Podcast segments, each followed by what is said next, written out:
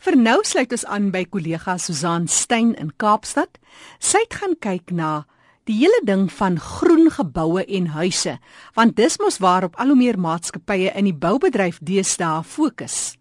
Die projek is onlangs in Port Elizabeth voltooi en ons hoor van die huis en ook veral die tuin wat baie besonder volhoubaar gemaak is. Kom ons sluit aan by Susan.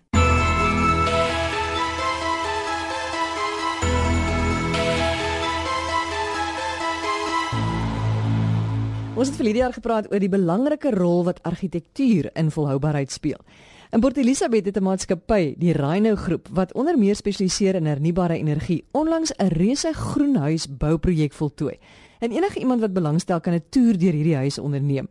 Een van die Westhuisen is 'n onafhanklike groen gebou konsultant. Hy was betrokke by hierdie projek en een Ek moet jou sê ek sou wat wou gee om self hierdie huis te sien en daardeur te loop, maar ongelukkig kan dit nou nie behalwe as jy nou vir ons huis hier in Kaapstad ook kom bou. Mag gee vir ons 'n bietjie agtergrond oor hierdie projek.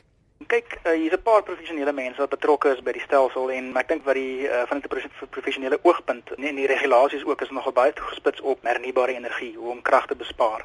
En wat ons hier doen is ons pas goed toe en ons gebruik goed om krag te bespaar, water te bespaar, uh, 'n uh, beter omgewing te skep vir die inwoner van die huis. En ja. wat maak hierdie huis dan nou so volhoubaar? Kyk, is maar die manier hoe mens hoe mens goed toepas van 'n argitektuuroogpunt, uh hoe jy dit beplan en ontwerp en natuurlik ook jou seleksie van materiale en en stelsels. Ja, nou mense dit bymekaar sit en hoe mense dit saamflans. So presies, hoe het julle dit gedoen? 'n uh, Gebou bestaan uit 'n paar komponente, basies 'n passiewe gedeelte en 'n aktiewe gedeelte. Wat ons gedoen het met die passiewe kant is die oriëntasie, die argitektoniese ontwerp.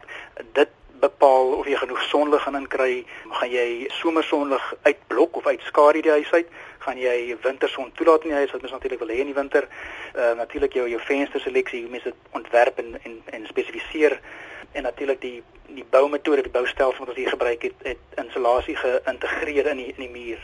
En as jy kyk na die na die aktiewe kant met ons uh, byvoorbeeld 'n relatiewe indrukwekkende uh, fotovoltaïese stelsel wat um, krag opwek, word gestoor en dit word 100% gebruik terug in die huis. So daar behoort 'n bietjie ekstra te wees dat ons weer terug gaan druk in die in die netwerk. Hoe wek julle die krag op? Kyk as fotovoltaïese stelsel, so was omtrent so 74 solar panels as ek dit in Engels kan noem. Dit word gestoor in 'n batterybank en dan word natuurlik weer teruggebruik in die huis. Hoe maklik is dit om die krag wat jy opwek te stoor? Want baie mense sê jy kan nie krag wat so opgewek word goed stoor nie. Kyk, die tegnologie is nogal goed gevorder. Natuurlik hang dit af van die komponente wat jy kies uit so 'n stelsel. Ehm um, kies jy goeie kwaliteit panele, kies jy goeie kwaliteit ehm um, batterye. Natuurlik is daar 'n bietjie van 'n van 'n verlies van van energie hier en daar, maar dit is ook belangrik dat mense 'n uh, uh, professionele ou kry om dit reg te ontwerp en en en die balans reg te kry. Maar wat interessant is miskien kan byvoeg is dat Port Elizabeth is definitief die eerste stad en sover ek weet, ek dink die enigste stad sover in Suid-Afrika wat hulle noem dit in Engels reverse metering uh, goedgekeur het. Wat beteken mense kan die plaaslike uh, netwerk gebruik as jou batterybank. So jy, jy elimineer totaal en al die batterybank. Presies, hoe doen jy dit? Kom ons vat byvoorbeeld 'n gewone huishouding. Die dag as jy nou natuurlik by die werk is, gebruik jy nie die krag nie, maar natuurlik is die son skyn en jou solar panels met die krag opwek. Wat oorspronklik sou gebeur het jy sou daai krag gestoor het in 'n batterybank, die batterye is relatief duurder en soos jy nou sê, mense mense kan dit nie behoorlik stoor nie. So in Port Elizabeth wat dit beteken is hierdie dag uh, wanneer jy nie krag gebruik nie, kan 'n mens daai krag deur 'n smart meter soos dit noem, laat loop in die netwerk in. Jou krediete word onthou en aan die aand as jy terug is en die son natuurlik skyn nie, dan kan jy daai krediete teruggebruik deur die smart meter. En op watter manier het jy water bespaar in die huis? Daar's ook 'n paar maniere hoe mens na dit kan kyk. Is natuurlik die opgaar van water, so anderswoorde ons ons vat die water uit die lug uit, natuurlik die reën. So elke square inch van die dak word uh, opgegaar met word in so 30000 liter tanks opgegaar en gestoor en van daar af doen ons dit hier 'n filter wat ons weer teruggebruik in die huis. So anderswoorde ons ons weer wegbly van munisipale water af en dan van daar af die besparing is ons het byvoorbeeld 'n waterbesparende stortkoppe, waterbesparende toilette. Daar's 'n Engels noem dit 'n building management system wat natuurlik die waterregulering in in terme van besproeiing baie streng reguleer. Wat ons ook doen met waterbesparing is die rioolwater word ehm um, deur 'n in Engels noem dit 'n biogas digester gesit en dan van daar af weer 'n biorock stelsel wat dan die water polish en dan gebruik ons daai weer weer herwonne water weer terug vir vir besproeiing en dan weer terug vir vir toiletspoel. Hoeveel liter water sou jy sê kan 'n mens omtrent in 'n maand bespaar op hierdie manier? Die kapasiteit van die opgaar tanks behoort die so huishouding totaal al van die netwerk af te hou. Natuurlik is ons steeds opgekoppel op die netwerk, maar dis net vir vir regtig vir droë seisoene as die reën aan nie sy kant bring nie. Dan kan ons dit opvul met munisipale water. So die uitgangspunt is noodontwerp is is om regtig vir geen munisipale water te gebruik nie. Is dit nie baie duur om so 'n huis te bou nie? As 'n ja en 'n nee antwoord. Hoe ons dit sien is ons gebruik alternatiewe boumetodes. Natuurlik hierdie alternatiewe boumetodes leen toe dat mense jou huis beter insuleer, jy gebruik minder energieopwekking en verkoeling. So daar is 'n passiewe kant en en die stel wat ons gebruik het, vergelyk nogal heel goedkoste gewys met die tradisionele baksteen metode. Jy praat van alternatiewe mure teenoor baksteenmure. Wat is die verskil tussen die twee? Daar's verskeie maniere om as die baksteenmure kan bou. Natuurlik by die kus gebruik ons 'n uh, soos in Engels 'n cavity muur en en in binneland gebruik hulle net 'n gewone dubbelmuur wat ons gebruik het hier is 'n alternatiewe muurstelsel of of 'n alternatiewe boumetode waar die insulasie, daar's insulasie geïntegreer in die muur self. So as jy die muur bou, um, bou jy met insulasie reeds. Jy hoef nie insulasie by te voeg soos met um, ehm, 'n baksteenmuur moet jy insulasie bysit wat die kostes wie opstoot uh, in terme van uh, die moedigheidsgraad, tyd en natuurlik ekstra materiaal wat jy moet bykoop. So ons het gegaan alternatief omdat dit vinniger is, kostegewys vergelyk dit goed. Ehm um, en natuurlik ehm um, insuleer dit jou huis baie beter.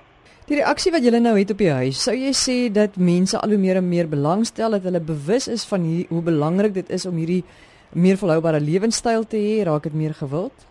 Ons vat nogal heelwat mense deur die huis as toere en van professionele mense tot by nuwe huiseienaars of kliënte. En die vloei van mense en die belangstelling is regtig baie goed en dit is nie net van ons plaaslike omgewing nie, dis dis landwyd. Sommige mense sien 'n komponent of 'n ding wat ons toegepas het in die huis uh, en hulle dit self gebruik en dan kombineer dit miskien met 'n ander stelsel. So as definitief 'n groot opwinding oor wat ons doen hierso. Een dankie en ek dink as ons luisteraars dalk daar in die omgewing van Port Elizabeth is, kan jy gerus ingaan op die webtuiste om meer besonderhede te kry en gaan kyk na hierdie besonderse huis. Dit was een van 'n Westeisen onafhanklike groen gebou konsultant en hy was betrokke by hierdie groen huis van die Rhino groep, 'n maatskappy wat onder meer spesialiseer in hernubare energie en volhoubaarheid. Volhoubaarheid van 'n huis hou natuurlik nou nie net by die argitektuur op nie, daar is ook nog 'n tuin wat aangelê moet word en uh, vir hierdie huis gaan Anton Bouwer, die eienaar van Obesa kwekery op Graafrenet spesiaal 'n waterwystuin aanlê, want hoe dan nou anders? Anton is een van die grootste kwekers van vetplante en kaktusse in die suidelike halfrond. Hy het sowat 7400 verskillende spesies by sy kwekery en dit is ook 'n belewenis om te sien. Anton, wat is 'n waterwystuin? Susanne, waterwystuin is uh, iets wat jy nie addisionele besproeiing hoef te gee nie. Met ander woorde, uh, dis uh, aangewese op die natuurlike reënval. En watter soort plante moet 'n mens gebruik?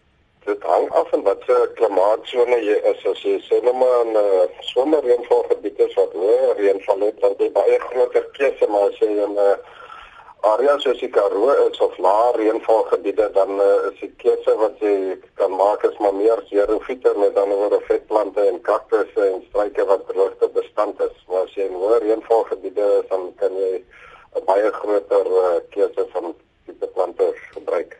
Hoeveel water kan die verkeerde soort plante vir 'n mens mors? Weet jy die grasperke byvoorbeeld in golfbane staan uh, al vir 'n lang tyd in die tuinboubedryf bekend as die groen kanker as gevolg van die hoeveelheid varswater wat uh, mense moet gebruik om hulle te besproei nie net in uh, hoë reënvalgebiede nie maar veral in lae reënvalgebiede soos die Karoo. Dis ek kom met nie eintlik 'n goeie plan is vir mense om grasperke te hê in die woestyn nie met maar die plante wat daar hoort daar plant anders uh, mos jy baie water. Hoeveel water dink jy kan 'n mens bespaar as jy die regte soort plante het? Wel, as jy die regte soort plante plant, dan hoef jy nooit water te gee nie. So jy kan uh, dis 'n relatiewe begrip, jy kan verskriklik baie water bespaar as jy een van daai mense is wat dis is om tuin te maak. So dis nie net jy het nie meer nodig om te doen nie. So dis nie net vir die omgewing goed nie, maar ook baie goed vir jou sak. Terwyl ek nou so net luister, besef ek net 'n mens moet eintlik net baie meer luister na die natuur en dit wat die natuur vir jou voorskryf. Ja, maar natuurlik as gevolg van die mense neigings om te dink dat die gras altyd groener is aan die ander kant waar die mense die woestynvaringsplante en die mense in die in die forest vol uh, woestynplante is. So dis nou een van die uitdagings wat die menslike toestand uh, vir ons bring. Kan jy miskien voorbeelde gebruik ook elders in die wêreld van hierdie soort tuine en die voordele daarvan? Ja, die bekendste een is seker die botaniese tuin in Monaco is 'n baie groot tuin en hulle is ek dink dit is maar meestal agaves, cacti en uh yuccas wat hulle daar gebruik het in verskillende tipe alwyne. maar dis wêreldwyd bekend nie net as 'n verskriklike mooi landscape um, nie maar ook as 'n baie vriendelike waterwyse tuin. Maar Anton, wat doen jy nou as 'n kaktus miskien vir jou spesifiek nie esteties so mooi is nie? Dan gaan jy na sy neefie toe die vetplant wat nie dorings het nie, maar baie mense het heeltemal 'n verkeerde konsep uh, van kaktusse want hulle uh, sien net een prentjie, die prentjie van die cowboy in movie en sy kop van hoe daai kaktus lyk, maar eintlik is daar 'n ongelooflike groot variasie en variëteit in uh, variëteite in spesies in die, in die hele kaktus familie en baie van hulle maak ongelooflike blomme en snaakse shapes en ja, dit is baie interessant. Jy spesialiseer in kaktusse. Wat is vir jou so besonder aan 'n kaktus? Ek spesialiseer in kaktusse en vetplante, maar wat vir my uh, besonder is is uh, hulle argitektuur. Hoe hulle lyk en hoe hulle geëvolveer tot op hierdie punt waar hulle nou is met die dorings en uh, hoe hulle self beskerm en hoe hulle water kan stoor om deur swaar tye te gaan. Van al die blommende plante op aarde word gedee ingesluit, maar kaktus het die mooiste blomme, ongetwyfeld die grootste reeks kleure en uh, vorms. Nog 'n uh, eienskap van hulle wat baie interessant is is die ongelooflike hoeveelheid spesies wat daar is. Daar is letterlik honderde duisende spesies. So die variasie om van te kies is so groot en uh, mense weet dit net nie. Speel dit wat 'n mens met jou grond doen in 'n in 'n tuin wat dan nou waterwys is ook 'n rol? En indien wel, wat kan 'n mens doen om jou grond te verbeter? Ja, die grond is seker die belangrikste aspek sou ek sê van die soort tuin wil uh, beplan want as jy grond nie goed gedreineer is nie, gaan jy met waterwyse plante sukkel want hulle hou nie daarvan om nat voete te hê nie. Natuurlik, die mengsel waaruit jou grond bestaan is baie belangrik. Uh, die pH is ook belangrik, maar nie so belangrik soos waaruit die grond bestaan nie. Die ideale grondmengsel vir xerofitiese plante as jy in 'n medium tipe reënval gebied bly is vier gedeeltes wat wat bestaan uit sand, grys, grond en kompos. Hoekom raak dit al hoe meer noodsaaklik om op hierdie manier tuin te maak? Want water is seker ons mees uh, waardevolste resource en uh, mense gelukkig begin mense dit nou agter te kom en ons moet daarna kyk veral in droër areas, jy weet daar's nou al areas in die wêreld waar hulle akwasfeer heeltemal opgedroog het soos in Griekeland. En uh, dit is 'n verskriklike groot probleem. Iemand wat nou vanmiddag luister en besluit, weet jy wat, ek wil nou my tuin verander. Moet hulle nou maar net eenvoudig gaan en hulle goed begin uitruk of wat moet hulle doen? Nee, ek sou sê beplan dit eers. Wat is dit papier? Teken die, die tuin soos hy nou is en uh, beplan dit mooi. Kyk waar die son, waar kom die son op, waar gaan die son onder, wat is die warmste gedeelte van die tuin? En beplan dit eers op papier. Teken dit uit sodat jy weet jy sit die plante wat die meeste son kan hanteer op die regte plek en uh, en andersom en dan begin jy van 'n punt af en jy doen dit so en natuurlik die tyd wat mense doen is ook belangrik. In die in die hartjie van die somer is dit nie die ideaalste tyd om tuin te maak nie. En wat is die voordele van so 'n tuin? Dit is 'n ideale tipe tuin vir mense wat nie van tuin nou hou nie, maar wat 'n netjiese tuin wil hê, maar hulle wil nie enige iets doen in die tuin nie. Die tuin moet net aan homself kyk. Vir daai tipe mense of mense wat min tyd het om uh, hulle werk tot laat in die nag en kom by die huis, dan is dit tyd vir tuin maak. Nie vir daai tipe besige mense is dit die ideale tuin om te hê. En jy praat van die argitektuur van die plante, maar dit is soos jy 'n klomp van hulle bymekaar sien, dan maak hulle nogal baie spesiale forme en dinge. Ja, en as jy met die kleure en die vorme speel en hulle meng, dan kan jy baie interessante mooi tuin uh, ontwerp. Anton baie dankie. Ek moet sê ek het nog altyd gedink vetplante en kaktusse het iets spesiaals. Maar na dese kyk ek heeltemal anders na hulle en as jy soos jy sê na die argitektuur daarvan kyk en die forme daarvan, kan jy 'n baie baie spesiale tuin aan mekaar sit. Dis Anton Bouwer, hy's eienaar van Obesa Kwekery op Graafrenet. En onthou al ons gaste se kontakbesonderhede is op RSG se webwerf www.rsg.co.za. Is al vir vandag, hou vol tot volgende week.